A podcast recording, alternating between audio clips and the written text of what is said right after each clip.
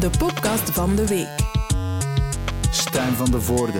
Ja, ik ben dus altijd heel blij als mensen willen meedoen aan de podcast. Deze week ben ik nog net iets gelukkiger. Het heeft dan te maken met het feit dat ja, die ene gast die ik dan bij wijze van epic mistake al eens een dag te vroeg uit het verre Limburg liet komen, dat hij toch nog zag zitten om nog eens terug te komen.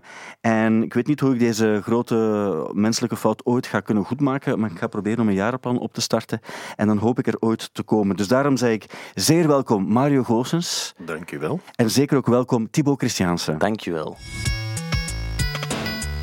De podcast van de week. Ja, Mario, mijn excuses nog eens. Helemaal niet Het was heel vervelend. Ik, ik was verkeerd met data. Het was echt nog nooit overkomen. En gisteren was het dan, kreeg ik plots een bericht. En het was Mario staat hier. Maar ik was hier zelf niet, omdat ik thuis aan het werken was. En, ehm, en toen dacht ik van, dit is, dit is niet, niet goed. Dus ik dacht, hoe, hoe kan ik het dan goed maken? Ik dacht, ja, ik kan wel iets geven om te drinken ook en zo, dat ook wel. Maar ik heb dan ook eh, mijn top 3 voor de afrekening ingevuld. En ehm, op 3 staat Sloper met Struck by Lightning. Op 2 de Tin Line van Sloper. En op 1 staat dit nummer. Voor de mensen die het niet kennen.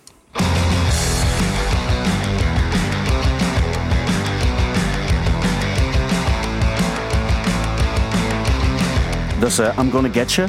Ja, dat is, dat is van jou. Ik, ik ga niet zeggen een nieuwe band, maar het is van, van een belangrijke band waar je nu mee speelt. Hè? Want je speelt uiteraard, je bent nog lid van, van Triggerfinger en je- hè, jullie zijn even eh, niet, niet samen aan het spelen, ik zal het zo zeggen. Je bent ook eh, de, de drummer van Bazaar. Ook. En je bent ook op dit ogenblik één van de drummers van Sloper. Ja, dat klopt. En eigenlijk ehm mogen we wel zeggen dat het een, een band is, een nieuwe band is van mij. En, en van Cesar, en van Fabio, en van Peter Scholler. Ja, ja dat, is, dat is na de stop van Trigger, eigenlijk daarvoor al was, was dat eigenlijk al een beetje bezig, was dat een broeien. Dus Ja. ja, alles Ja. mag ervan gezegd worden. Ja, en ik, ik las zelf eh, bijvoorbeeld in, in Oor een review. En het einde was vooral duidelijk: dit is niet zomaar een uitstapje van eh, de band. Dit is een volwaardige band waar we meer van willen horen. En zag ik vergelijkingen met eh, Masters of Reality en Stoner Rock en, en, en goede referenties qua classic rock ook. Dat is plezant om te horen, denk ik. Ja, dan. natuurlijk, tuurlijk. Maar iedereen mag er noemen hoe dat hij dat wil. Ja. En dat vind ik er ook fijn aan. Kijk, Thibaut noemt het transcore. Ah, mag- transcore. Ja, Zo mag- zou ik het niet dat is- omschrijven. Dat is, wel echt iets nieuw voor mij. Dat is niet, Dat moet dat, is de jongeren, dat zijn de jongeren natuurlijk, Mario. Die Ja, zijn ja, die- ja, ja, ja, ja. dus- Ik ken het al wel van in het begin, want de Mind Melter, Ja. dat is het eerste nummer toch? Of een van de Een van eerste? de eerste, eerste nummers die we... We hebben een EP ah, vlak voor de lockdown nog uitgebracht. Ah, wel, en dat vond ik berengoed, Ja. zoals we dat dan zeggen. Ja, Een zwaar. beetje garage ook. Ja, Ja. ja. En, en nog gespeeld ook in, eh, in zijn show trouwens. heb ik klopt. dat- Ja, misschien heb ik het daar wel voor het, voor het eerst gehoord, eh, lang geleden. Nu, daar gaan we het straks nog over hebben, want ik wil nog veel dingen weten ook over César. Dat is dan een soort van icoon. Dat is Ehm, het minste wat je kunt zeggen. De drummer wordt ook gezegd van de langst bestaande rockband uit de muziekgeschiedenis. Ja, die bestaan 60 jaar. Ja. Dus dan denk ik ook van... En hij is er 50 jaar ongeveer drummer Ja, van, denk ik. ja, hè? ja, ja. Dus dan heb je wel iets meegemaakt. Hè? Van Golden Earring, dat is de band waar het dan specifiek over gaat. Die zijn opgericht in ergens 61, 60, Zoiets, 61. Hij is er in 1970 bijgekomen en dan 50 jaar bij één band zitten. Ja. Ehm, dat is wel heel, wel heel straf. En nu, nu bestaan ze niet meer, denk ik. hè? Golden Earring zijn gesplit. Ja, ze zijn spijtig nog moeten stoppen vanwege de ziekte van George Kooijmans. Ja. Ehm, dat vond hij heel erg. Ja. Ehm, maar hij is zeer positief, de mens. En zegt van, ik heb 50 mooie jaren gehad. Ja. En ook wel heel opvallend is het feit dat die band ook, wij kennen die dan wel van Radar Love en zo, maar het is een internationale, gigantische band ook geweest. Ja, ook, niet normaal. Hè? Ik bedoel, eh, overal wat dat je in de wereld komt. To- Toevallig voor de lockdown eh, zat ik in Australië. En ik was een pint aan het drinken in een café. En daar komt ineens de earring. En dat is niet alleen maar met Radar Love. Maar dat, Ja. dat is ook met, met eh, vooral Twilight Zone ook nog. Ja. In Amerika eh, met de triggers een plaat aan het opnemen. En ik zit in een auto. Twilight Zone, Radar Love, When the Lady Smiles. Het passeert er allemaal Ja. op die radio's. Dus de impact is ongelooflijk. Als hij 65 was geworden, had zijn vrouw een filmpje laten maken door allemaal drummers. En de wereldtop van de drummer van Rush tot de drummer van Toto. Echt iedereen kent die mens. Ja. En het is ook gewoon, ja, ook die mensen zeggen, van, ik ben beginnen drummen door Radar Love. Ja. Dat is toch ongelooflijk? Allee. Ja, absoluut. Het is heel cool ook dat je dan met hem eh, samenspeelt. Eh, het is ook zo dat die Nederlandse bands, ik maak nu wel een brugje moet ik toegeven, die Nederlandse bands in het buitenland eh, hadden die ooit een bepaalde impact. En dan gaat het over, over vooral zo die jaren 60, jaren Ja. 70. En wij onderschatten dat ook. En dan, dat is het brugje wat ik dan eigenlijk ook stiekem aan het maken ben. Zo de, de allereerste single uitgebracht door Nirvana. Weet je wat dat was? Nee? Weet jij het nog, Thibaut? De eerste De single. allereerste single. nee. Nee. Het was eigenlijk een cover van Shocking Blue. Ah, ja, ja. Ah, jawel, jawel. En eh, we hebben het er ook over gehad, maar het is kle- kleine Ja, ja. fun fact ook. Ja, ja, ja. En, ehm, en dan denk ik van, ja, dat is maar één, één van de vele voorbeelden ook, eh, ook uiteraard. Ja, ja, ja, ja. Ehm, maar maar ehm, het, het- ja, je weet, in de podcast praten we over actuele dingen. Dus dat wil zeggen dat Sloper daar ook bij hoort. Ook bepaalde dingen die nu aan het gebeuren zijn. En ja, als mensen op vrijdag luisteren, wat heel vaak het geval is, weet dan dat dit de verjaardag is van, eh, van deze plaats, van eh, Never, Nevermind. Klopt. Ja, ja, ja. Ehm, wat heb jij ermee? Veel. Midden in mijn... Ja, is dat nog jeugd als je 19 bent? We gaan het... We gaan het Dat is nog jong, hè? Dat is nog jong, dat is nog jong, ja. Ja. voilà. Ja, veel, hè. Ik bedoel, dat kwam, dat, kwam, dat kwam binnen. En dat was samen... Ook Pearl Jam was erbij. Van die, die Black Album van Metallica. De Chili Peppers waren erbij. Dus dat was echt allemaal zo... Ja, Ja. eh, de classic albums nu, hè. Ja. Eh, ik heb er veel mee. Veel naar geluisterd. Eh, en dat is een steengoede plaat. Ik vind het interessant om aan jou te vragen, omdat ik, ja, je, bent, je bent iets ouder, eh, denk ik. Van welk Ja. jaar ben je? 72. Ah Ja, ik ben van zeven, je bent vijf jaar ouder.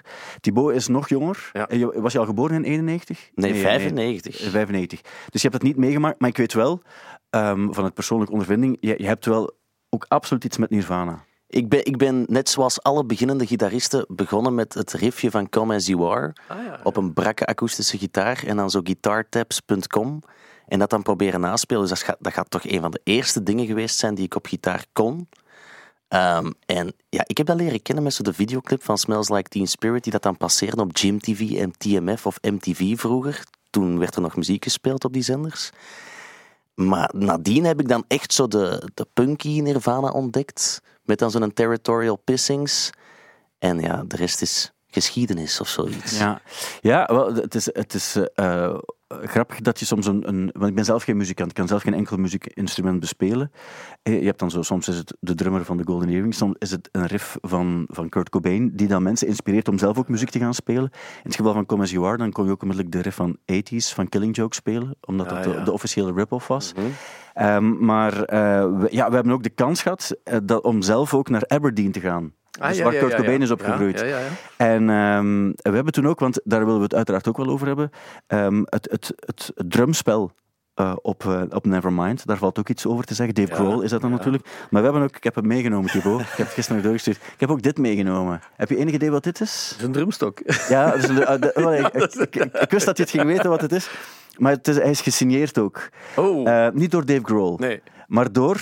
De, e- de eerste drummer. ja, klopt. Ja. Ja, het is de allereerste drummer. De aller, allereerste. Aller, aller, allereerst. Ja, dus Dave Grohl was de vijfde drummer. ja. ja. En dit is gesigneerd door, zeg het maar Thibaut. Aaron Burkhardt. Ja. Wil jij het ja. verhaal vertellen?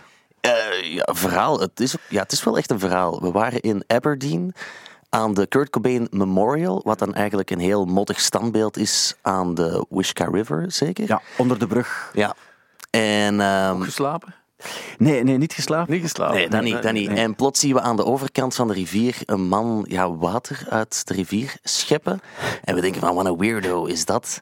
En wij staan daar nog altijd te staan. En plots loopt die man over de brug naar ons toe. Met drumstokken in zijn hand. En we dachten van, hé, hey, dat is wel een speciale gast daar. Ik denk zelf dat Thibaut zei, dat kan nou niet. Hè?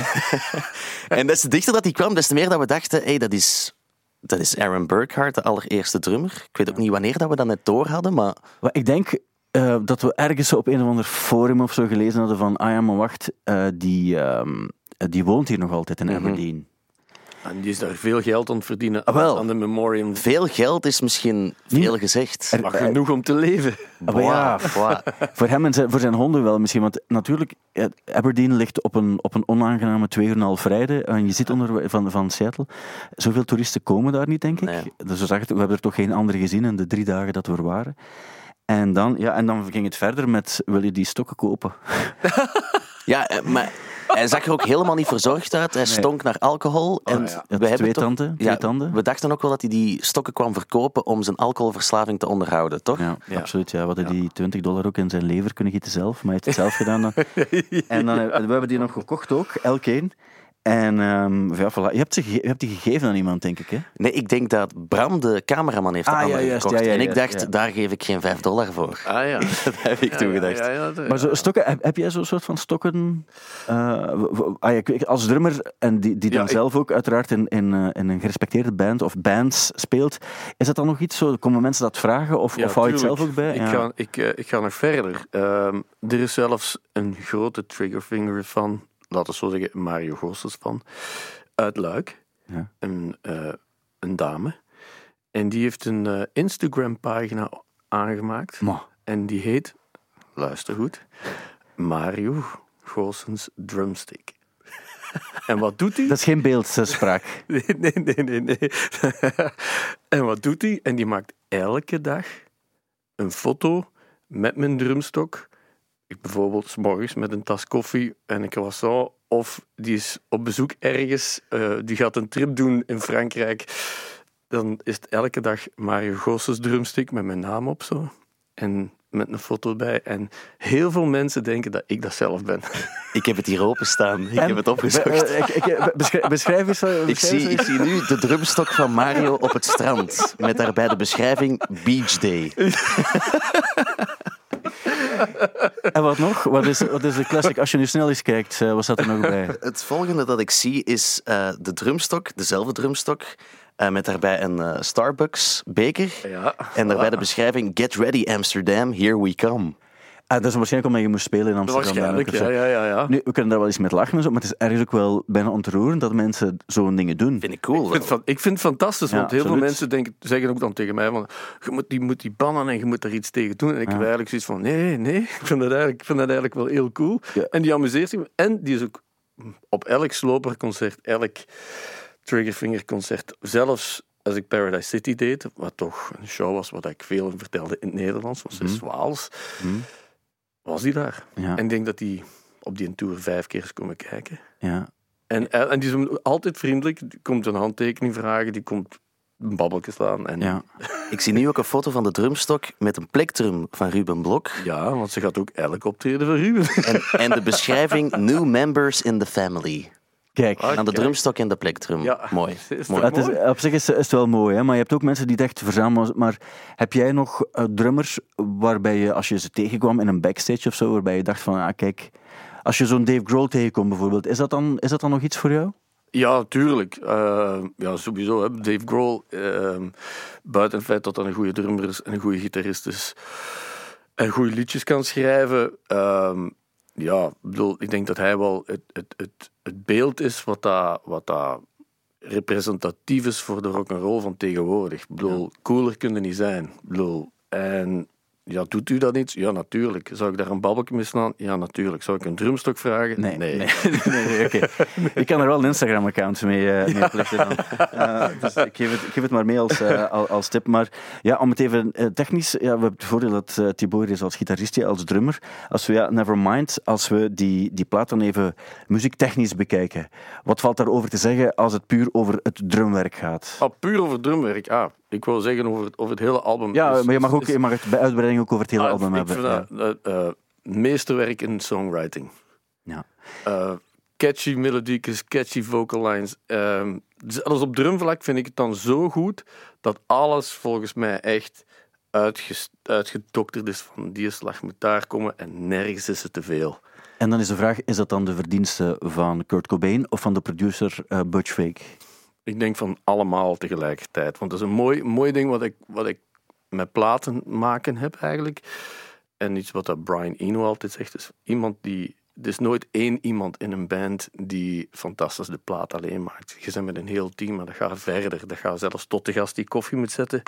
Want die brengt de koffie tot op het juiste moment. Net zoals jij net gedaan hebt, Stijn. Ah, nee, Met, veel plezier. Het dat was Steven, het was Steven dat was iemand Het anders, ja, ja. Maar dat is wel allemaal een belangrijke functie. Want als, die, als, als dat allemaal klopt binnen die kamer, dan kun je eigenlijk pas iets, volgens mij, iets tof maken. En hij had dat bijvoorbeeld, Brian Eno zei dat over David Bowie. Iedereen had het over Da- eh, Dave Bowie, wat dat ook is natuurlijk.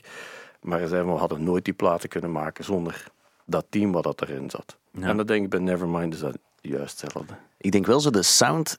Ik moet er nu aan denken. Het filmpje waarin dat Butch Vig uitlegt hoe ze de gitaren hebben opgenomen, heb ik denk ik tien keer bekeken. Dan vertelt Butch Vig, de producer, gewoon hoe dat ze Drain You hebben opgenomen en dat hij moest liegen tegen Kurt Cobain van dit was niet zo'n goede take, zodat hij gitaren en gitaren bleef opnemen, dat er uiteindelijk op één nummer een achttal gitaartakes staan over elkaar gelegd. Ja. Waardoor dat zo die dikke sound van die gitaren goed tot zijn recht kwam. Maar dat, dat vind ik wel cool. Ja, ja. Maar Dat is de psychologie daarachter de producer zit. Pas op, hè. Maar dat, dat gebeurt toch ook vaak. Ik, een van de, de verhaaltjes die ook bestaan is over de. de ik, ken, ik ken niet zoveel, maar double tracking. Dus de, Ja. de stem die. En Kurt Cobain zag het niet zitten om dat te doen. En toen heeft Butch Vig gezegd: ja, maar. ehm, John Lennon deed het ook op die manier. Ja, ja. En toen heeft hij gezegd: ah, oké, al- als mega Beatles-fan Ja. zag je het dan plots wel weer zitten. Dus die psychologie bij zo iemand als Kurt Cobain, die volgens mij op het ogenblik, ogenblik dat de plaat wordt opgenomen, ergens, en zo, zo staat het toch ook overal, ergens wil hij het super underground en, en edgy maken. Ja. Maar ergens wil hij ook een, een, een poplaat maken waar hij zelf ook, ook... Hij was ook fan van ABBA enzovoort. Ja, ja. En hij wilde dan eigenlijk ook wel heel graag succes hebben, maar dan ergens ook weer niet, want het is zijn dood geworden ook. Dus hij zat in een moeilijke periode, denk dat ik, in is zijn ook moeilijk. leven. Dat is ook moeilijk, want, want ik denk als je zoiets maakt... eh je merkt dat zelf ook eens je, eh, met, Triggerfinger of met Sloper of ja, met, met Equal Idiots. Je wilt altijd een, een, een, album maken dat, dat één goed is, tegelijkertijd succes heeft, maar tegelijkertijd ook wilde u, u ergens u cool bewaren, want je wilt zo niet de sell-out zijn. Wat, dat zelf, wat dat je zelf nooit bepaalt, want dat, op een gegeven moment bepaalt de industrie dat waarschijnlijk. En dat is, dat is soms een heel moeilijke, heel moeilijke les. Van ja, ja, dat wil ik toch niet doen, want eh, op die plaat klinkt dat zo en op die plaat klinkt dat zo. Terwijl dat iemand, als een producer daar zit, daar misschien wel een idee rond heeft. Van zegt van, ah, maar misschien gaat dat wel werken. En je probeert iemand te overtuigen om dat toch te doen en het tegendeel te bewijzen. Dat is wat ik bedoel. Je hebt een heel team en die werken allemaal voor maar één doel. En dat is die ene straffe plaat maken. Ja. En dat is elke keer weer opnieuw. Ik weet dat jij er ook vaak over eh, nadenkt, eh, Thibaut. Zeker als je nummers hoort waarbij je denkt van ja, maar dit is toch eigenlijk gepikt daarvan. Of van die, of deze week zei je ook nog iets. Ja, dat is toch gepikt van Nirvana. Ah, het ging over de, de nieuwe single van... Youngblood. eh, ja, Fleabag. Ja. Ik heb hem daar straks ook nog gehoord. Ik, ja, ik ook onderweg naar hier Ja, stond. ja. Ik dacht, allee, nu. En niemand zegt er iets over. Ja, wij Maar nu wel. Wij, Ja. wij wel. Wij, Ja. We hebben het al gezegd, hè? Ja, ja, ja. Ja. Maar niemand doet er iets aan, hè? Ja, ja nee. Maar de, dus de vraag eigenlijk, is het dan... Want bij Youngblood, ik, ik ga er altijd vanuit dat volwassen mensen luisteren daar niet, niet meer naar. Dat is misschien meer een soort van instapmuziek. En dan denk ik, bijvoorbeeld eh, als mijn dochter... ehm, om- eh, omdat, om, om, ja, het is waarschijnlijk een TikTok gegeven ook eh, af en toe. Als hij een, een catchy nummer heeft, zal dat misschien ook wel bij wijze van spreken daar eens passeren. Op die manier leert hij dan een soort van instap gitaarmuziek kennen.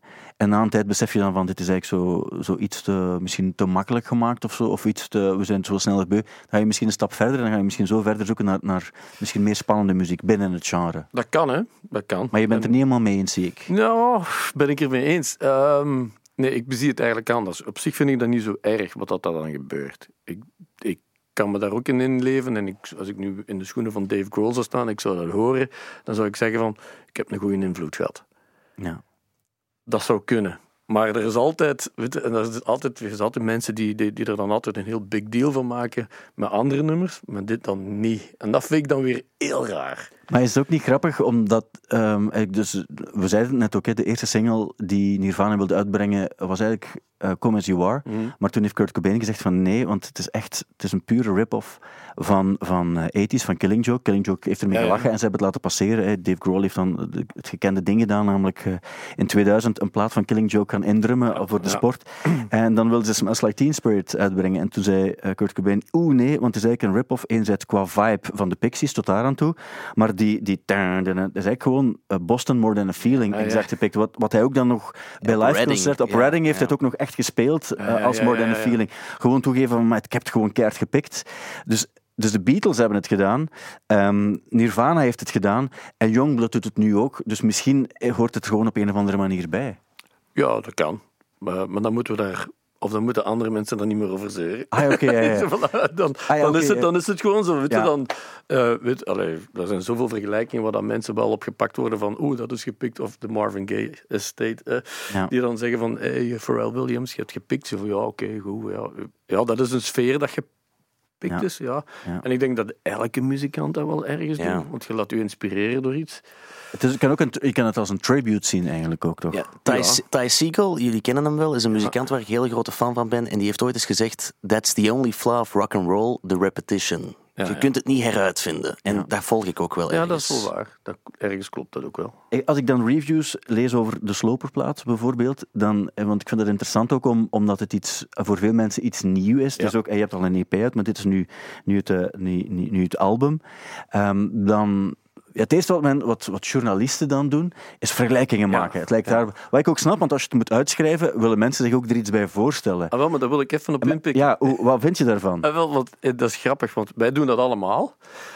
Maar dan moet het in de schoenen staan van iemand als Cesar. Ja. En die zegt van, nou, ik snap iets niet, jongen. Hey, ik snap iets niet.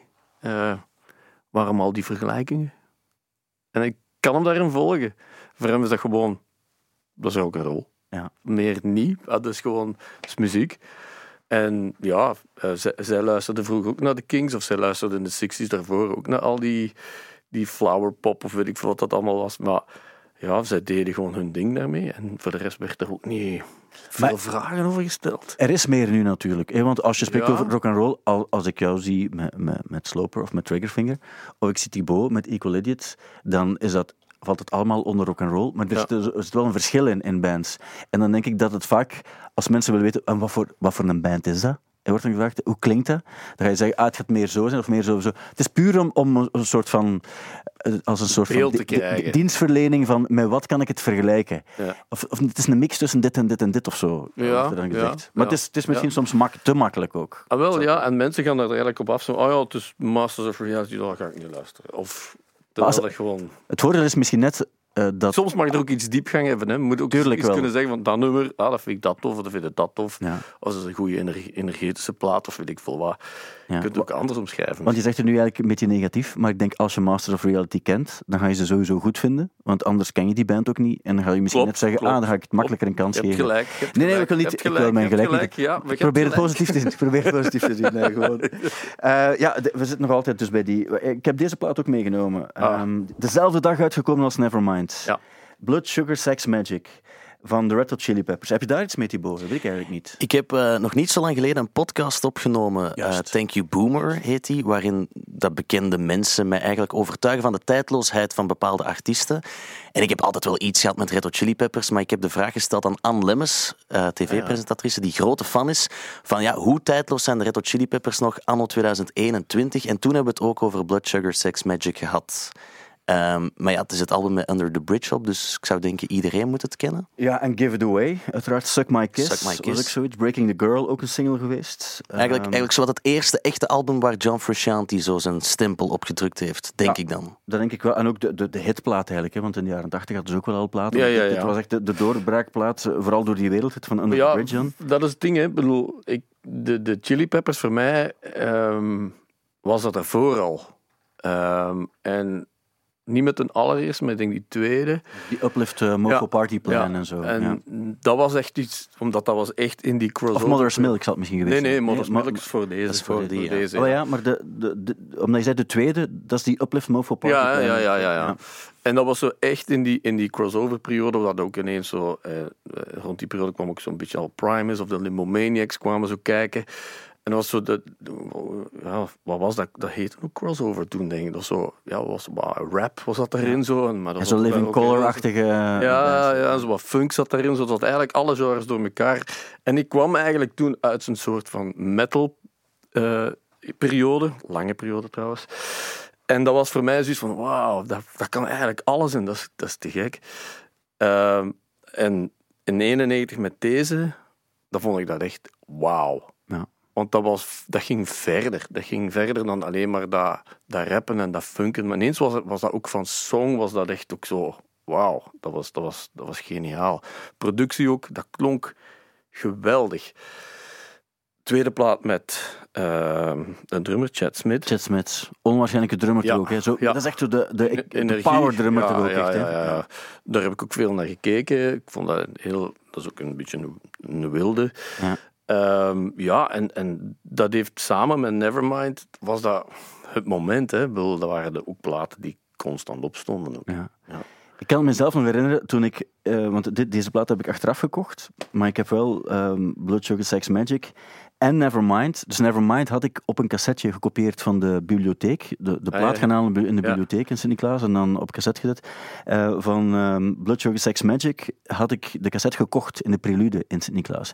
en ik weet wel nog dat we op reis gingen en dat die, die cassette in zo'n veel te grote Akai met dubbele cassettespeler zat, omdat je die aan dubbele cassettespeler, want dan kon je die kopiëren. En dan ehm, heb, had ik die mee met zes batterijen erin. En die was dan leeg na drie uur of zo. Zes van die dikke, super dikke batterijen. Ehm en wil ik gewoon even meegeven, Thibaut. Dat Het bestond is van voor mijn tijd. Het klinkt prehistorisch. dit. Maar wel goede tijden ook. En ik ken, ze, ik ken beide platen volledig uit mijn hoofd. Nou, Ik heb er heel veel mee leren drummen. Ah, echt waar? Ja. En vooral met die Blood Sugar Sex Ja. Magic ook. Ehm, dat was, was ook net de tijd eh, dat ook... eh er is zelfs een drumboek van, van, van de partij van Chad Smith. Duur altijd, die, die drumboeken, Ja, muziekboeken. duur, Waarom kost dat zoveel, denk ik? Ja, dat weet ik niet. Belachelijk. Maar eh, ja, en ik heb er echt keihard mee meegedrumd. eh, ook omdat ik toen ook zelf drumles begon te geven. En dat was zo'n succesvolle plaat. Iedereen wou ofwel Under the Bridge leren of, of iets van die plaat. Dus eh Ja. te gek. Eh, Thibaut zei het net al, van, het wordt toen veel gespeeld op MTV. Ja, als je ze even gaat nakijken, de, mm, het, het verschijnen van, van Nevermind, hè, dan spreken we dus over september 2000, eh, 1991. Wat op zich heel eh, opvallend is, is toen werd er nergens in België iets met die plaat gedaan. Dus het is pas eigenlijk vijf weken later dat Humo er voor het eerst iets over schrijft. Ah, is dat echt zo, Ja. Dus eh, het is gewoon puur MTV die het nummer heeft opgepikt in eh, 120 Ja, ja, minutes. ja, ja. En dan eh, in België gebeurt daar niets mee. Op Studio Brussel werd het ook pas gespeeld als ze het ontdekten van ja, maar via die, die MTV-dingen, die clip komt zo vaak langs, zo wordt het ook een hit. En dan, dan is het eigenlijk ook op die manier opgepikt. En pas, Humo heeft er ook heel laat, pas, pas vijf, zes weken later, eh, is er, is er dan Maar voor het eerst een review over geschreven. Maar zij hebben toch ook in die zomer... Was dat één of was al die zomer ervoor? Dat weet ik niet het was, meer. de zomer, het was in 91, dus ze hebben gespeeld op Pukkelpop, Ja, eh, ter dat is vervanging van Limbo Maniacs. Ja, ja. En toen, toen hebben ze gespeeld, maar niemand... Ze waren Niemand toevallig dat. op de tourbus Ja. met Sonic Youth en ze waren mee, dus ze waren daar. En dan was van, Ja. oké, kunnen jullie dan maar spelen. En, en daarna hebben ze, net na het verschijnen van Nevermind, hebben ze een vooruit gespeeld. Ja. Het was dan het laatste concert. En eh, toen, toen was Nevermind wel al, eh, wel al uit. Ja, en toen ja, was het ook helemaal vol en was het, was het, het, het, het ding met Courtney Love was er ook bij in die periode. En dan gingen ze nog eens spelen, normaal in Vorst Nationaal, maar dat is niet doorgegaan wegens Kurt Cobain die plots eh, Ah, ja, ja. aan zijn einde kwam. Kijk. Waar we ook geweest zijn. Klopt. En zijn huis. Ah, ja, ja, ja. ja, ja. In Seattle. In Seattle Ja. gaan kijken ook. eh. En Ja. Aangebeld? Eh, wat, ja, nee, we hebben met zijn buur gesproken, maar we hebben het nooit gebruikt, want hij sprak nogal vreemd. Ik weet, Bram is er toen naartoe gegaan, denk ik. En het was ook wel echt een huis dat eh, moeilijk te En de- betreden was of zo. Het wa- daar waren wel heel veel toeristen. En zo'n bankje dat beschreven werd. En we zijn wel nog op een berg gelopen om binnen te kunnen kijken. Ja. Maar zonder al te veel succes. Mario, als journalisten moeten wij zo'n dingen doen, uiteraard. Ja, ja, ik Eh, snap als, het, ja. Als, als fan moet je... Maar dat, dat was op zich... Toen voelden we ons een beetje de foute toeristen. Maar ik weet- Paparazzi, ja. Ja, wat ik wel heel cool vond, is dat we ook in Olympia geweest zijn. In het huis waar eigenlijk ongeveer heel Nevermind geschreven Ah, is. ja. En dat vond ik wel heel cool. De- Het was, nu is dat een Airbnb, je kan dat huren, dat huis. Het, is, het huis is eigenlijk verdeeld in drie delen, denk ik. Ja? Het waren ja. drie, drie delen. Ja. En, En- maken ze daar ook reclame van? Van hier werd... Het, sta- het staat erbij, Het staat op, erbij. op, op Airbnb, maar niet in het groot of zo. Ah ja. Het is zo... Nee, we hebben de eigenaars toen ook gesproken. En die bleken dan gewoon echt hele grote Kurt Cobain-fans te zijn. Die ook het busje hadden. Eh, waar de, Melvins. de Melvins mee Ja. toerden en waar Ah, ja. Kurt Cobain ook nog mee gereden heeft toen hij ooit eens roadie was van de Melvins. Ah, ja, ja. Dus het waren zo wat grote fans, de eigenaars van het Ah. huis. Ja. En Ik heb geslapen. Ehm, Probeer maar op te bieden, hè. Ja, ja, want, wacht, eh, wacht, wacht. Probeer maar. ik, ja. de, de, de plaat van eh Steak Number 8 nog. Mhm. eh eh, All is Chaos. Hebben we gemixt in Seattle. En we sliepen in een hotel zo langs een, zo'n autostrade of zoiets. En er werd gezegd dat dat de plaats was van het hotel waar dat hem zijn drugs ging halen. En Ah, ja. afsprak met de dealers. En daar, daar zaten wij met z'n allen. dan werd ons zo gezegd van ja, hier, En dan ook keihard teruggepakt, toch, voor de beleving. Eh, ik niet, hè. Nee, maar je hebt het er wel zien doen. Je hebt het er zien doen. Nee, maar... Wie? Nee, anderen, anderen. Nee, maar ik heb wel... eh, ik weet nog, we hebben, er nog, we hebben heel veel dingen gecheckt. Ook zo, waar Ja. liedjes opgenomen ook en zo. En, eh, en er, er was effectief zo'n zo'n motel waar, het erbij, wa- waar wij ook nog geweest zijn daar, is een plek die nog altijd bestaat, waar hij zijn, zijn, zijn, zijn laatste maaltijd heeft eh, Ja. Genuttigd. En wij zijn er ook pannenkoeken gaan eten of zoiets eh, op een ochtend. super, eh, was niet super super lekker. Nee, Je nee, wou gewoon witte niet. poeder op je pannenkoek. Oh, wel, ja, ze, ze gaven dat erbij, dus ik dacht, eh, we passen ons aan aan de, aan de lokale cultuur. Eh, maar er, er valt wel nog iets bij. Het is, het is raar als je naartoe gaat, omdat je het weet. Maar wat ik vond is, zeker ook zo in Olympia, dat was eigenlijk zo de, de, de, de stad waar het, denk ik, echt echt begonnen is. Ja, want dat is tussen Aberdeen en Seattle. En dan Olympia, daar had hij dan zo'n soort van ja, een mini-appartement waar ook foto's van bestaan. Want wij stonden in de tuin. Je hebt er ook iets gekregen, denk ik. Hè? Hebt een foto ik- gekregen. was, nee, dat was in de Rosevere Music Center. Maar dat was daar, dat was daar ofwel hadden zij het bij. Er is zo'n foto in Olympia in de tuin. Ja, juist, juist. Dus in die tuin waar hij woonde, is die bekende foto genomen van Kurt Cobain, die met een jong poesje op zijn arm. Ah, ja, ja, Die ja. bekende foto is ja. daar genomen. En we zijn dan in Aberdeen ook in de muziekwinkel geweest waar hij zijn allereerste gitaar gekocht heeft. En toen hebben die eigenaars van de winkel mij eigenlijk diezelfde foto, die dat dan ja, gewoon herdrukt was, geen originele foto uiteraard, eh, hebben ze toen aan mij gegeven. En die heeft jarenlang in die winkel waar Kurt Cobain zijn allereerste gitaar gekocht heeft, gehangen. Ja. Ah, ja. En die staat nu thuis bij mij op de wc en ben ik vergeten vandaag. Weet je nog, weet je nog trouwens wat ehm, de coolste winkel was in Aberdeen? Eh, de Star Wars shop. Maar ken ook de Kurt Cobain eh, shop. Ja. Ja, dus dat was een, een, een kerel, een oude man, die was fan van Star Wars en verkocht allerlei brol van Star Wars. Maar hij besefte, heel af en toe komt er toch eens een, een toerist vanuit Seattle naar daar. En hij zei, ik ga, weet, ik ga wat fotocopies nemen van dingen die gelinkt zijn aan, aan Nirvana. En het, het coolste wat er te vinden is, zijn zo eh, royalty-brieven van die Ja. Aaron Burkhardt, die drummer, die die daar kwam verkopen aan die gast, Oh, waardoor nee. fans eventueel dan zo... En dan stond er bijvoorbeeld voor een of andere muziekbox, kreeg je dan nog 34 dollar aan royalties, omdat hij een demo had ingedrumd waar, waar, Maar het goede was ook die potjes met zand van de... van, de, van, de, van de rivier. Ja, ja, dus gewoon potjes met zand waar Kurt Cobain misschien ooit eens één voet had gezet. En dat verkocht hij dan naast speeltjes van Star Wars. Wauw. Dat is, dat is toch... eh, Tristesse, iets- Dat is een combinatie van tristesse en het duidt ook nog aan dat we 30 jaar later toch nog altijd met iets zitten. Ja, ja, ja. Ehm, ja, ja. Maar, eh, en mensen hebben niet altijd genoeg aan gewoon het album. Soms moet er iets meer eh, bij zijn als, je, als je er komt ook. Ehm, Drumstokken. drumstokken bijvoorbeeld. Maar het is, eh, het is, het is een plaat die, die, eh, die van belang is geweest. En ook, we hadden het er net ook over reviews. Weet je hoeveel sterren het album kreeg in Rolling Stone? Ah, nee. Drie. Wauw. Drie op vijf. Hebben ze nadien ook geen tweede review geschreven Ja. die dat dan plots vijf sterren had of zoiets? Ja, en ze hebben de, de plaat hebben ze, ik denk, ik heb het even opgezocht wanneer het exact was. Eh, ze hebben dan een, een, eh, een top 500 gemaakt, Ja. nog eens in 2019. En eh, Nevermind staat op 6 in de top 500 van beste platen aller tijden van Rolling Stone. Wat niet slecht is als je start met Ah, drie sterren. Nee, nee, nee. nee, Eh, nee. om maar te zeggen hoe verkeerd eh, mensen... Journalisten kunnen zijn. Absoluut, Ja, absoluut. Maar dat weten we al langer natuurlijk Ja, ja, ja, Dan, vandaag. Stones is dat toch ook al gebeurd, dus Exile... Exalmeens, uh, Main Street ook? Ja, dat, was, dat was, werd omschreven als de slechtste Stones-plaat ever. Ah, echt, ja. Dus nu. Ik weet niet hoe iconisch is. eh Ja, ik, ik ken er zo een van eh, The White Album, omdat er wat geëxperimenteerd werd hè, van de Ah. Beatles dan. En eh, dat zeiden van, dit is echt een, eh, dit is gewoon een schande. Ik heb een review ge- gelezen ook van iemand die zei van, eh, als het is om wat te rammelen, dan moet, je, moet het niet. Wacht, hoe stond het er, stond het er net? Ik had een review, ik had, hem, ik had hem erin gekopieerd, maar ik vind hem precies niet meer onmiddellijk. Ik ga hem nog wel vinden. Ik heb wel nog hoe, hoe, het, in, ehm, hoe het in Humo was omschreven. Ah ja. Toen, je moet wel weten, het is verschenen op 29 oktober. 29 Ja, dat is oktober. dus- Dus het was ongeveer vijf weken verder. maand later. Ja. en toen was het al een succes. Dus op dat ogenblik is het niet meer eerlijk om iets te moeten schrijven, omdat je weet van het is al zo groot en we moeten nu wel. We zijn eigenlijk al een beetje te laat. En Mark van Sprengen heeft toen geschreven: Kurt Cobain klinkt alsof er hoogdringend een verzameling abscessen uit zijn keelgat verdwijnt, dient te worden. Hoe zijn gitaar zich een weg schroeit door gloeiende brokken lawaai als Lithium Breed en Territorial Pissings. De sound op Nevermind is die van The Bird. Zij het in een teervat gedompeld en nog lichtjes beduust nadruipend. Nevermind is een muzikale blauwdruk voor een revolte. Ik weet niet waar dat over gaat, maar het is mooi geschreven waarschijnlijk.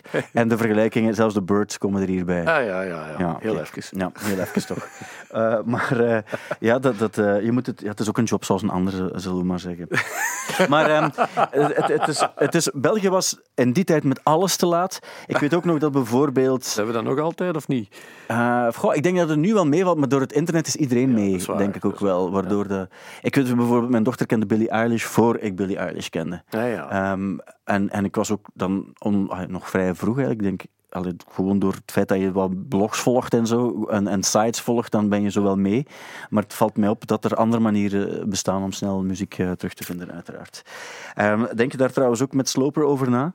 Uh, hoe moeten we proberen om, om uh, mensen te bereiken in deze tijd? Ik zeg nu niet dat je op TikTok moet gaan, hè, maar... Ik zit op TikTok. Zit je op TikTok? Hola.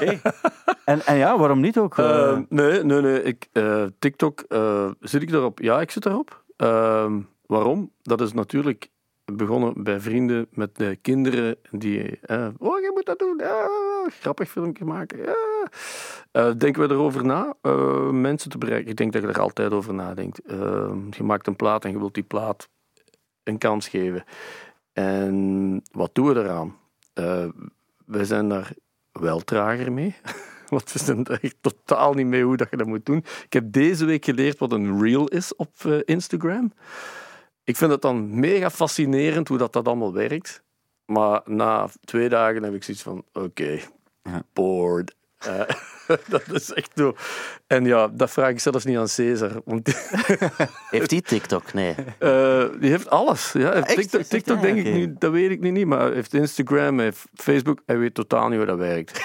en zijn vrouw doet dat. Zeg maar toch even, want jullie zijn met twee drummers. Uh, dat, dat bestaat toch niet zo heel vaak? Hè? Ah, je kan wel... Jawel, jawel, jawel. Tegenwoordig is dat. Ja, maar ik weet, hip, jongen. Wij zijn jongen ongelooflijk hip. Maar, ja, maar dat, ik snap ook, ik weet zo Radiohead, die hebben er ook nog gedaan. En zelfs de, zelfs de Eagles hadden op een bepaald moment twee drummers. Ja, zo. King, King, King Gizzard en ook, ja, ja. Wel, ik weet het wel, maar, OC's. maar het is toch, je maakt het, uh, het, het, is, het is minder common dan twee gitaristen in een band. Dat is minder common, maar in de jaren zeventig was dat, was dat, werd dat heel veel gedaan. Ik bedoel, de band met, uh, met, met de fantastische liveplaten, met, ook met twee drummers, of, of George Harrison ging met twee drummers op tour. Dat werd eigenlijk constant gedaan. Waarom? Het is ook plezant. En uh, dat is ook niet, bij ons was ook niet de reden om, om het met twee drummers te doen. Uh, dat is eigenlijk gewoon begonnen omdat uh, op het moment dat wij, dat wij begonnen, muziek, begonnen met muziek maken, was Cesar kreeg te horen van de Earring, we gaan van 80 concerten naar 30 per jaar. En hij had zoiets van, godverdomme, die oude zakken in de earring. Ik wil godverdomme spelen. Op dat gelijkertijd, op, op datzelfde moment, zat hij aan Paternoster, in, toen nog niet met Eva, in verdriet met zijn liefde, met liefdesverdriet. Komt bij mij, en ik dacht van, ja, wat zijn de twee elementen, wat, wat, zijn de, of wat is het element wat, dat, wat dat iets kan goed maken? Dat is muziek maken. Dus ik heb gewoon een studio geboekt.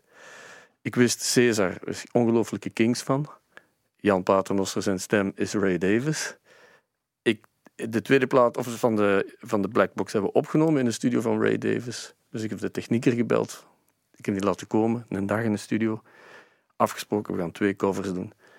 En ons amuseren. Niet wetende van, wat gaat dit worden? Opgenomen, was een super fijne dag. Iedereen happy en daarna nog.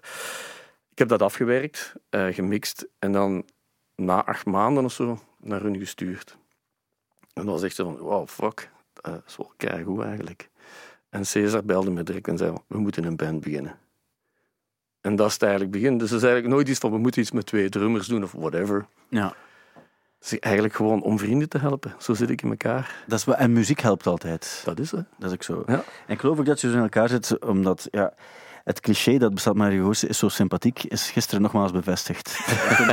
dat ik naar jou belde om te zeggen, Mario, ik schaam me dood, maar ik, ik, ik denk dat, dat, dat ik gewoon een verkeerde datum gegeven heb. Normaal zou je zeggen, op zijn minst zou je dan zeggen, I do it, niet cool. Maar dat, zelfs dat heb je niet gedaan. Dus ik wil het toch nog eens bevestigen. Sommige clichés eh, kloppen ook. Maar dat is omdat ik mediteer. hè. Eh, Helpt het echt? Helpt het echt? Nee, Ja. doe, de- eh, doe je dat echt mediteren? Ja, ja, ja, ja, ja. Maar ik vind, het, ik vind het heel interessant, want ik, ik heb het ook eens geprobeerd. Ehm, maar ik, ik, eh, ik ben onmiddellijk afgeleid door, door, door het minste. Zelf, zelf afgeleid door wat ik toch begin te denken. En dat moet je dan net niet doen. Hoe, hoe, hoe werkt dan juist? Voor mij, Ja? voor, ik ben een, een, mijn hoofd is, is alleen maar onrust. Ehm, dat schiet alle kanten op. Dat is, dat is soms heel vermoeiend. Ehm, ik, ja, je merkt dat ook als ik drum natuurlijk, zie je dat heel hard. Dat is een voordeel dan, dat, is een, ik. dat is een voordeel soms voor sommige dingen, voor andere dingen niet.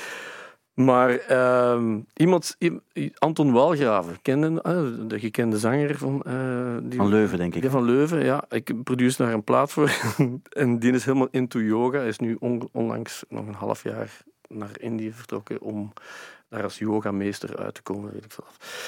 En die, heeft dat eigenlijk, die zei dat eigenlijk altijd tegen mij. Dat is al twaalf jaar geleden. Maar ik denk dat mediteren echt iets voor u is. Ik zeg, maar jongen, ga weg, jongen. Hey, zie je vraag, zo zweverig, zo la, la, la. En hij had zoiets van, nee, nee, dat, gaat, dat, gaat, nog, dat komt nog wel. En ja, nu, eh, dat is nog niet zo lang geleden, een half jaar geleden. Ehm, druk bezig van alles, eh filmmuziek aan schrijven. En, en Tim van Aalst van Shelter, ehm, die begint er ook over tegen mij. Van, ja, ik ben er ook mee bezig. En, en dan een andere maat begon er ook mee. Ik dacht van, misschien moet je dat toch eens proberen. Zo. Zoals je het nu vertelt, sorry, sorry dat ik onderbreek, maar zoals je het nu vertelt, van, ik moet toch eens proberen, klinkt het alsof je, als, ik, als ik het juist zou knippen, zou ik kunnen, mensen kunnen laten geloven dat het over heroïnegebruik zou gaan. Ah, ja. Dat het een beetje stiekem in Ja, de ja. duik, Ja, ja. in een Ja, duik ja. van, ah, hij Ik- zegt ik dat heb- het de moeite is. Ik heb er ook al wel goestingen gekregen. Ah, ja, ziet, sorry, maar je zei van Dus, zei van... ja, ja, dus, ja? dus ja, eh, en dan ben ik dat eens beginnen doen. En wat ik merkte is dat dat, dat, dat voor mij wel, wel effectief... Ik voelde zo mijn, mijn, mijn, mijn, mijn rust in mijn lichaam, zo, dat, viel zo, dat viel als een blok. Zo. En inderdaad, je zegt nu, mijn gedachtegang ging ook alle kanten op. Maar dat mag juist. Dat is toen net, laat dat maar gaan. En, en je- dat, gaat, dat, dat verandert ook. Hè. Dus twee seconden dat, dat, dat, dat, dat, dat. Maar wat moet je dan juist doen? Want, als je, want je zegt het mag alle kanten op gaan. niks. Niks. Nee. Maar wat- eigenlijk komt het erop neer... dat- Stilzitten. Ja, rustig. stilzitten. Ja, Ja. Of met ogen op of met ogen dicht. Je kunt dat kiezen. Ik volg dat ook. Je kunt het met een app volgen of niet. Je mocht dat kiezen. En dat is eigenlijk het ding. Wij, wij, wij, wij, wij zijn zo eigenlijk weer al in een... In, we proberen dat weer al te controleren. Van nu moet ik weer al niet denken. Nee, je mocht juist... Laat, dat is eigenlijk het ding. Laat dat gewoon gaan. Ja. En dan flipt er van alles door mijn kop. En wat ik vooral voelde, is dat, dat, dat zo de, de, de, de, de zwaartekracht van je lichaam, zo, dat is echt. En dat deed voor mij echt heel veel. En ik ben begonnen met 10 minuten. Ik doe dat nu soms 20 minuten, soms ook niet. Maar gelang wat je tijd hebt. En ik begon er dan met Tim ook over, over te praten. En Tim, was echt, zo, ja, Tim doet dat misschien soms drie keer per dag. En dat geeft hem ook vooral rust, omdat je in zo'n... een, vooral vooruit gaat altijd. Alles moet snel gaan. Ja, en als je soms niet weet... Ja, gisteren had ik daar met de zanger van Sloper over en die doet dat blijkbaar ook. Dat wist ik ook niet.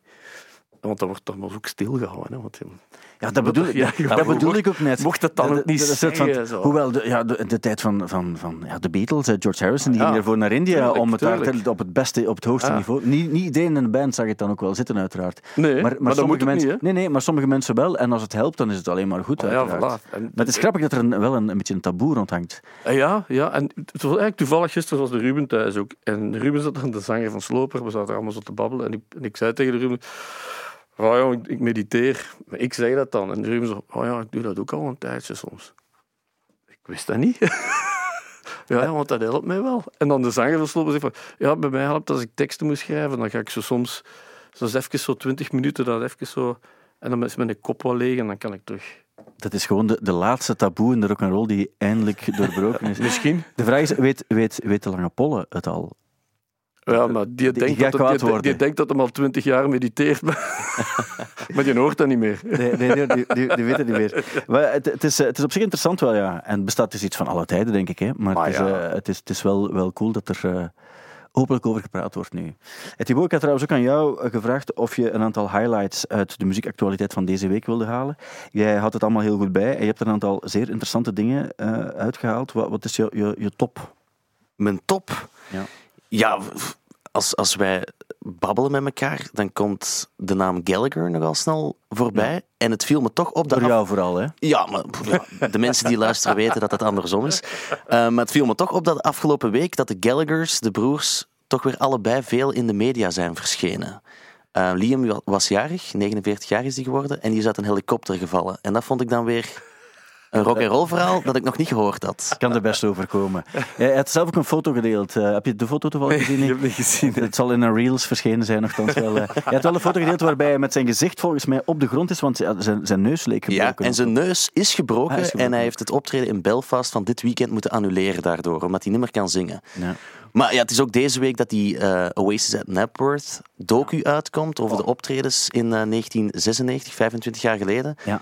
En Noel Gallagher heeft dan ook gezegd dat hij misschien herwerkte versies van Oasis-nummers wilt gaan spelen binnenkort. Ja. Want hij had er eentje gemaakt voor BBC of zoiets. Ja, hij heeft er van Live Forever heeft hij erin gemaakt. Een heel, een heel mooie Ja, wel, eh, ja. ja, ja. Ja, eh, Napworth, ja, het, het is, eh, we hebben dat hier een beetje gemist, maar dat was t- 250.000 mensen. Eh, ik heb het boek gekocht wel. Ja? Ja, eigenlijk voor, als je op vrijdag luistert, weet je, gisteren kon je ook naar de cinema gaan om de film te gaan zien. Als je het gemist hebt, 26e, zondag denk ik, kan je ook nog eens Zondag in de. Kinepolis. In Kinepolis Antwerpen. Zijn je geweest? Ehm, nee, nee, ik, eh, nee. Ik, ik- het is een lang verhaal. Maar ik, ik, zal het, eigenlijk- ik ga zondag proberen gaan wel. Ah, ja. Eh, ondanks het, het WK. Ik wil zeker gaan. Ik heb het boek gekocht over, met de foto's over Napper. Noel Gallagher heeft het concert zelf omschreven als het... Ja, hij verdrijft het uiteraard een beetje als het laatste concert van voor de tijd dat iedereen met een gsm op een concert eh, Ah, stond. ja, ja. Eh, iedereen naar daar en... ehm, ja, het, was, eh, het was zag er fantastisch uit. Met John Squire, die dan ook mee, mee kwam Ja. spelen tijdens ehm, Champagne Supernova. Supernova en zo. Dus op zich, eh, het zag er wel ja, zoveel volk. Er bestaan ook zo verhalen over. eh, Er zaten blijkbaar, ehm, volgens de legende, maar er zal ook wel iets van aan zijn, want het wordt ook door, door zo de operatoren en zo bevestigd. Er zaten eigenlijk blijkbaar tien dagen altijd opnieuw diezelfde hoeveelheid mensen achter elkaar kunnen steken, omdat die vraag zo gigantisch was. Ehm, dat ze blijkbaar voor ja, wat, 6 miljoen oproepen of zoiets hadden gekregen om, om, om, om tickets te kunnen kopen. Dus toen was het wel echt een, hun totale Ja, ja. piekperiode. zo. En het is niet dat het erna nog veel omhoog gegaan is. Het was eigenlijk eerder de andere richting. Maar ehm, ja, het is op zich wel geestig dat er dan nog wat aandacht... Je hebt zo concerten op Spike Island ook van de Stone Roses, Ja, waar ook ja. zo over gesproken wordt. En, en Noel Gallagher, die was daar ook. Die is ook naar Spike Island gegaan. En die heeft daar Stone Roses gezien in 1990 of zo, denk ik dat het was. En, of 89, ergens rond 1990. En hij zei toen ook van, nou, dat was eigenlijk de start van de Britpop voor mij. En ik heb dan op die Ah, manier... ja, is wat heel, heel interessant. Ik denk dat de film eh, best nog wel interessant gaat zijn. Zeker omdat hij niet deftig eh, gecapteerd is en zo. Er zijn geen, geen ploegen uitgestuurd zoals dat nu zou gebeuren. Ja, ja, ja, ja, ja. Het is allemaal nogal, nogal vaag gegaan, maar blijkbaar moet het wel nog de moeite zijn. Mhm. Ah, ben benieuwd. Ja. Ik wil het wel zien eigenlijk. Hij komt binnenkort, als je het niet in de cinema kan zien, wat natuurlijk altijd leuk is om het wel te doen, dan kan je hem gewoon ook binnenkort eh, eh, zien bij de, de, de plaat en zo die uitkomt, denk ik. We Dus maar nu zondag in Kinepolis Kinepolis. in, eh, in Antwerpen. Ja. Alleen daar. Eh, ik, ik weet in de Cinescoop in Sint-Niklaas dat zij hem ook eh, donderdag speelt. Ik weet niet of hem zondag ook nog gespeeld wordt. Ja, ik was pas in de Kinepolis in Antwerpen en toen hingen er posters uit. Ja. En eh, dan was het enkel zondag. Ah, ja. Deze zondag. Ah, oké. Ja, ik weet dat er altijd zo gecommuniceerd wordt 23 en 26, maar eh, dat, eh, dat helemaal ter, terzijde. Eh, de- oké, dat is interessant nog. Ja, ik had, vind ik wel een leuke om ook eens aan eh, Mario te vragen. Er was een rel tussen Machine Gun Kelly en Corey Taylor. Wie zijn dat? Oei, dat, dat gaan we moeten verduidelijken. Machine Gun Kelly, dat is zo de nieuwe... eh, In het straatje Opletten, van opletten waar je... Youngblood. Ah ja, oké. ja. Ja, Was dat, was, zeg je nog eens? in het straatje van Youngblood is Ah, ja. eigenlijk een, een rapper van vroeger die nu ook overgeschakeld is naar de rock and roll. En die heeft verschillende samenwerkingen met Travis Barker van Blink-182 Ah, ja. bijvoorbeeld. Ja, ja. En dat is ook zo de nieuwe soort rockmuziek die wordt gesmaakt door de kids, maar waar wij soms wat kritisch over zijn. Ja. Eh, en die heeft nu rel met Corey Taylor van Slipknot zeker. Ehm, omdat hij eigenlijk gezegd heeft van ja, Corey Taylor ging meezingen op een nummer van mij. Het trok op niks Oh. klootzak of zoiets. Daar kwam het op neer. En Corey Taylor heeft er nu op geantwoord en gezegd van ja, kijk, hier zijn de mails die ik verstuurd heb. Hij heeft gevraagd of ik mee kon zingen. Hij was super enthousiast, maar ik dacht, goh, dat is toch niet echt mijn ding. Dus ik heb dan eigenlijk gezegd van ik wil het toch niet doen. En nu is er een soort van relletje. Los daarvan, Machine Gun Kelly, fel besproken figuur. En Ah, ja. je kent hem dus niet. Eh, Het is gezond als je hem... eh, Misschien beter zo. ik, ik, ik, ik ken de naam ergens van. Mhm. Ik ken daar totaal geen muziek van. Ik denk dat ik een beeld heb van hem, maar ik kan ook een, een missen artiest zijn, dat weet ik. Lange blonde slungel met Ah, ja. tattoos. Ja. Hij heeft een heel schoon vriendin. Megan Fox, de actrice. Ah ja. Dat is ook, Dat weet ik wel, hè? Hoe klinkt het? Geen idee. Maar die Megan Fox... dat is ook het ding, want mijn lief kwam naar mij. Hey, die is met Megan Fox. En toen heeft mijn lief dat eigenlijk een hele dag beluisterd, Machine Gun Kelly. En ik kwam s'avonds thuis en hij zei... Hey, dat is toch echt iets dat je goed moet vinden, Machine Gun Kelly. En toen dacht ik, oh, oh, oh, hier moeten we nog eens deftig over Dat praten. is het ding altijd. Hè. Als je dan ja. echt zo met gitaarmuziek bezig Ja, bent... Dan worden er zoveel vergel- vergelijkingen. Ja, dan zeggen ze van, hé, hey, maar ik snap niet, wa- wat, waarom doe je zo raar over Måneskin of over Machine Gun Kelly? Dat is toch rock and roll van deze tijd? En ik van, man, nee, dat is een slechte kopie van... Ja. Zwart, maar ja, daar, daar hebben we het al misschien te vaak over gehad. Ik weet het, ik weet het, maar het was gewoon die tendens van de nieuwe rock.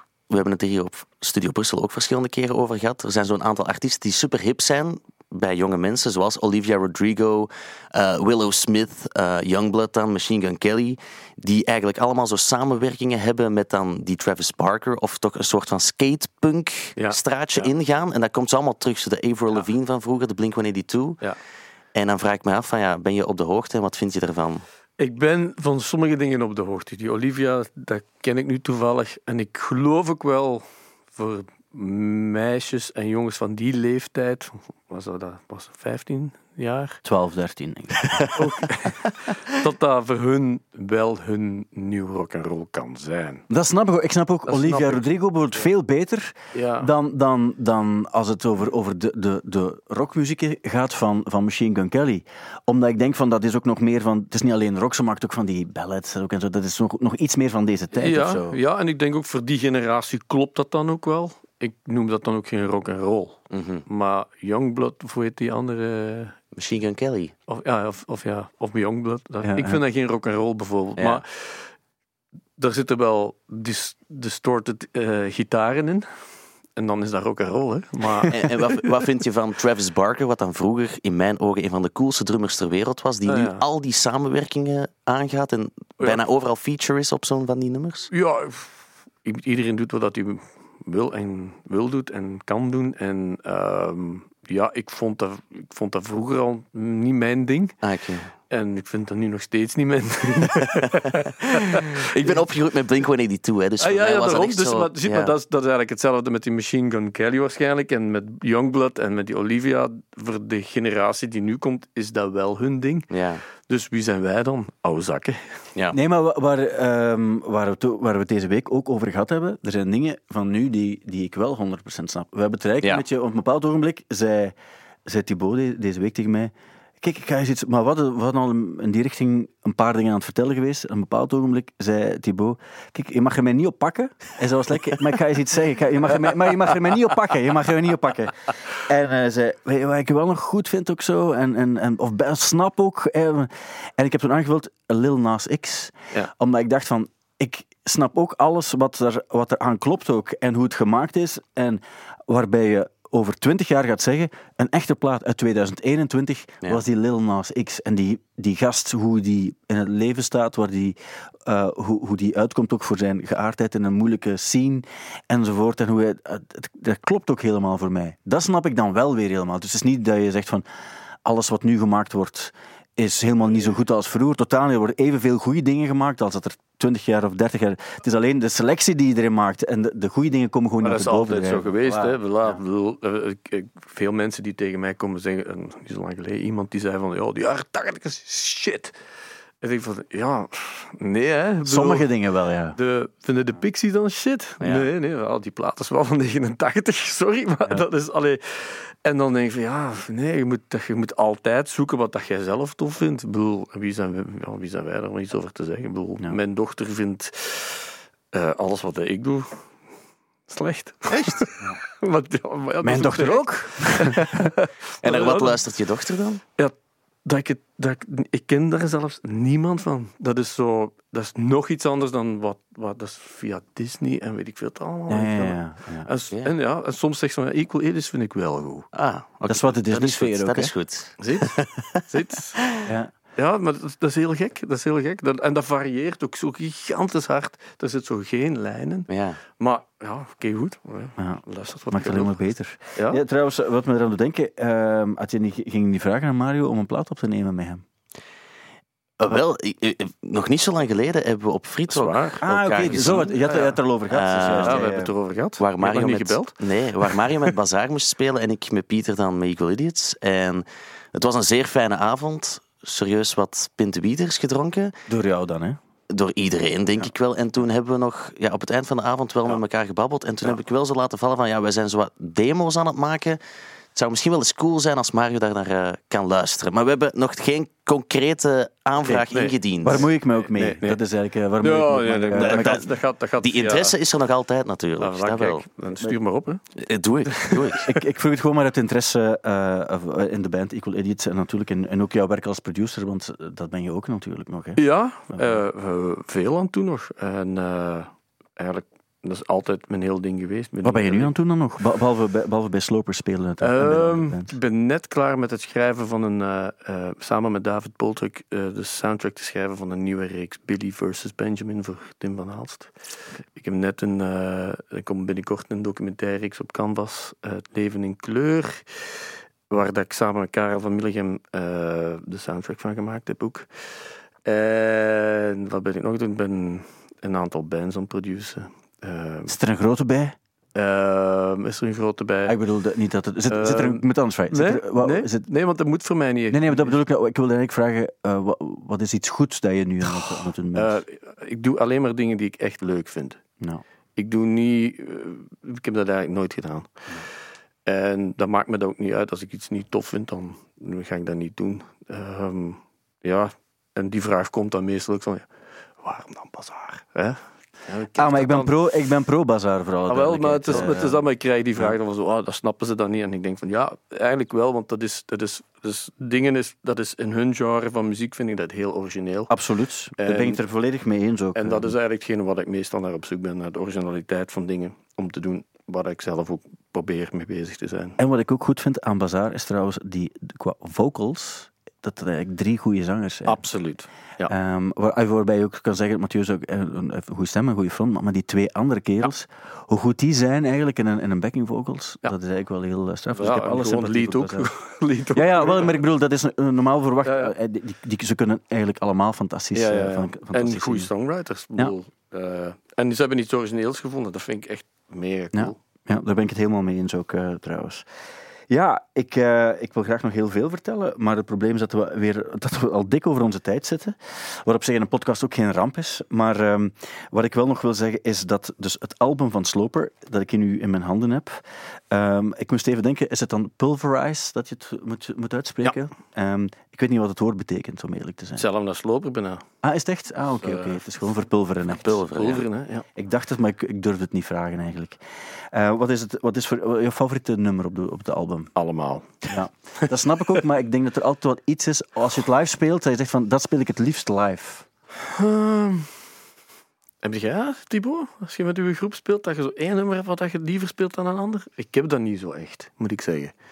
Ik- Nee, maar er zijn wel meestal momenten dat we dan zo net eens iets anders doen dan gewoon het nummer spelen. We hebben zo één nummer waar Ja. ik dan zo eens in het publiek ga en dan denk ik, ah, daar kijk ik wel naar uit tegen dat dat nummer komt. Ah ja, Zodat ik eens iets anders kan doen dan die stomme gitaar bespelen. ah, oké. Ja, nee, ik heb, dat ik heb dat eigenlijk niet. Nee, want ik wil altijd van dat uitgaan. Ja, we maken die plaat, dus je schrijft die liedjes en dat zijn de beste liedjes die op die plaat komen. Ik bedoel, misschien 25 geschreven en belanden er dan 13 op een plaat. Maar ik had onlangs ook iemand eh, die ook net een plaat af had. En oh, het ging dan over verschillende nummers. En over één nummer zei één nummer, ja, ik vond dat wel, klopte wel zo, maar ik kan er eigenlijk niet zoveel over zeggen. Of ik heb er, allee, het is misschien niet het beste nummer van de plaat. Dan denk ik van, ah, ja, dat is ook wel fair, want als je, als, je, als je tien dingen opneemt, dan is er altijd wel één waarbij je denkt van, ah, oké, achteraf gezien. Soms is het ook achteraf dat je misschien denkt van, ah, maar dan is er- ah, ik zou dan denken, misschien kan het wel dat er iets is dat er toch nog bovenuit steekt, in de positieve zin ook. Maar zoveel te beter als het niet zo is. Ja, kies maar. Nee, oké. Dan, dan, kies ik, makkelijk? dan kies ik voor het nummer dat eh, op nummer 1 stond in, de, in, mijn, in eh, de, Ja. de afrekening van deze week. Ah, ja. Waar ik gestept heb. Die, eh, ehm, ja, ik had Struck by Lightning stond, er, stond erin sowieso eh, bovendien. Eh, en I'm Gonna Get You, het openingsnummer, is natuurlijk ook wel heel, heel catchy. Is perfect, op, perfect openingsnummer. Ja, ook absoluut. ja. Zoals dat bij, bij ehm, Nirvana Smells Like Teen Spirit is, op Ja. Nevermind. En op eh, The Power of Equality van, eh, van de Red Hot Chili Peppers op Blood Sugar Sex Magic dan. Dankjewel om hier te zijn. Nee, graag gedaan. Het was eh, een, eh, een, een heel fijn gesprek. Thibaut, ook dankjewel om hier te zijn. Heel graag gedaan. Ik kijk uit naar jullie samenwerking, als die er ooit komt, uiteraard. En dan eh, horen we dat ook weer in de podcast van de week. Of ergens anders, dat kan, kan ook natuurlijk. En dan gaan we eruit met een soort van teaser naar een, naar een, een, podcast die jij gemaakt hebt. Ah, ja. Wie is het, wie is het deze week? Eh, deze week is het Anne Lemmens, maar ik kan al wel... Anne Lemmens Over- over, over Red, het Chili Red Hot Peppers, Chili Peppers, maar ik kan al wel verklappen, volgende week wordt het een riskante opname, eh, want dan wordt het Jasper Steverlink over Pearl Jam. Ah ja, oké. Oeh. Ja, dat komt omdat, ik zal het even eh in Thibaut zijn plaats. Thibaut, ik snap dat helemaal, vooral duidelijk. Dus Thibaut heeft 91 niet meegemaakt. Dat wil zeggen dat hij 10 ook niet meegemaakt heeft. Ah, ja. En dan snap ik perfect waarom. Ik kan, denk ik, als ik het goed aanpak, Nevermind en ook ehm Blood Sugar Sex Magic nog verkopen aan een, aan een 17, 18-jarige. Ja. Maar ik snap waarom het veel moeilijker is om 10 uit te leggen aan een 17, Ah, is dat zo? 18-jarige in Ja? deze tijd. Ah, ja, Qua sound. wel, Ja, ja, ja, van, van- ja, ja, en productie ook een beetje. Ja. Dat is ook een beetje, ja, dat klopt Maar ik wel. moet wel zeggen, de, de podcast, heel kort, mensen denken dan dat ik het heel slecht vind, die bands waarover we spreken, maar ik probeer eigenlijk gewoon aan te tonen van hoe tijdloos mo- mogen we dat nu nog noemen. En Pearl Jam staat natuurlijk al jarenlang met Black op één in de tijdloos, en dan denk ik, hoe komt dat? Misschien moet iemand mij dat nog eens deftig uitleggen. En kunnen de kids dan ook Pearl Jam leren kennen? Wil ik toch nog even meegeven. Ja, maar dat is een goeie. Dat is een goeie. En het is ook een heel interessante podcast. Je kan er naar luisteren. De titel van de, van de ehm, podcast in kwestie komt er nu aan, dus in de outro. Maar nogmaals, dankjewel Thibaut en dankjewel Mario. Yo. Dankjewel, Stijn. Check ook onze andere podcasts, zoals Thank You Boomer, waarin Thibaut Christiaanse uitzoekt of een bepaalde artiest wel echt tijdloos mag worden genoemd. Nu in de Stubru-app.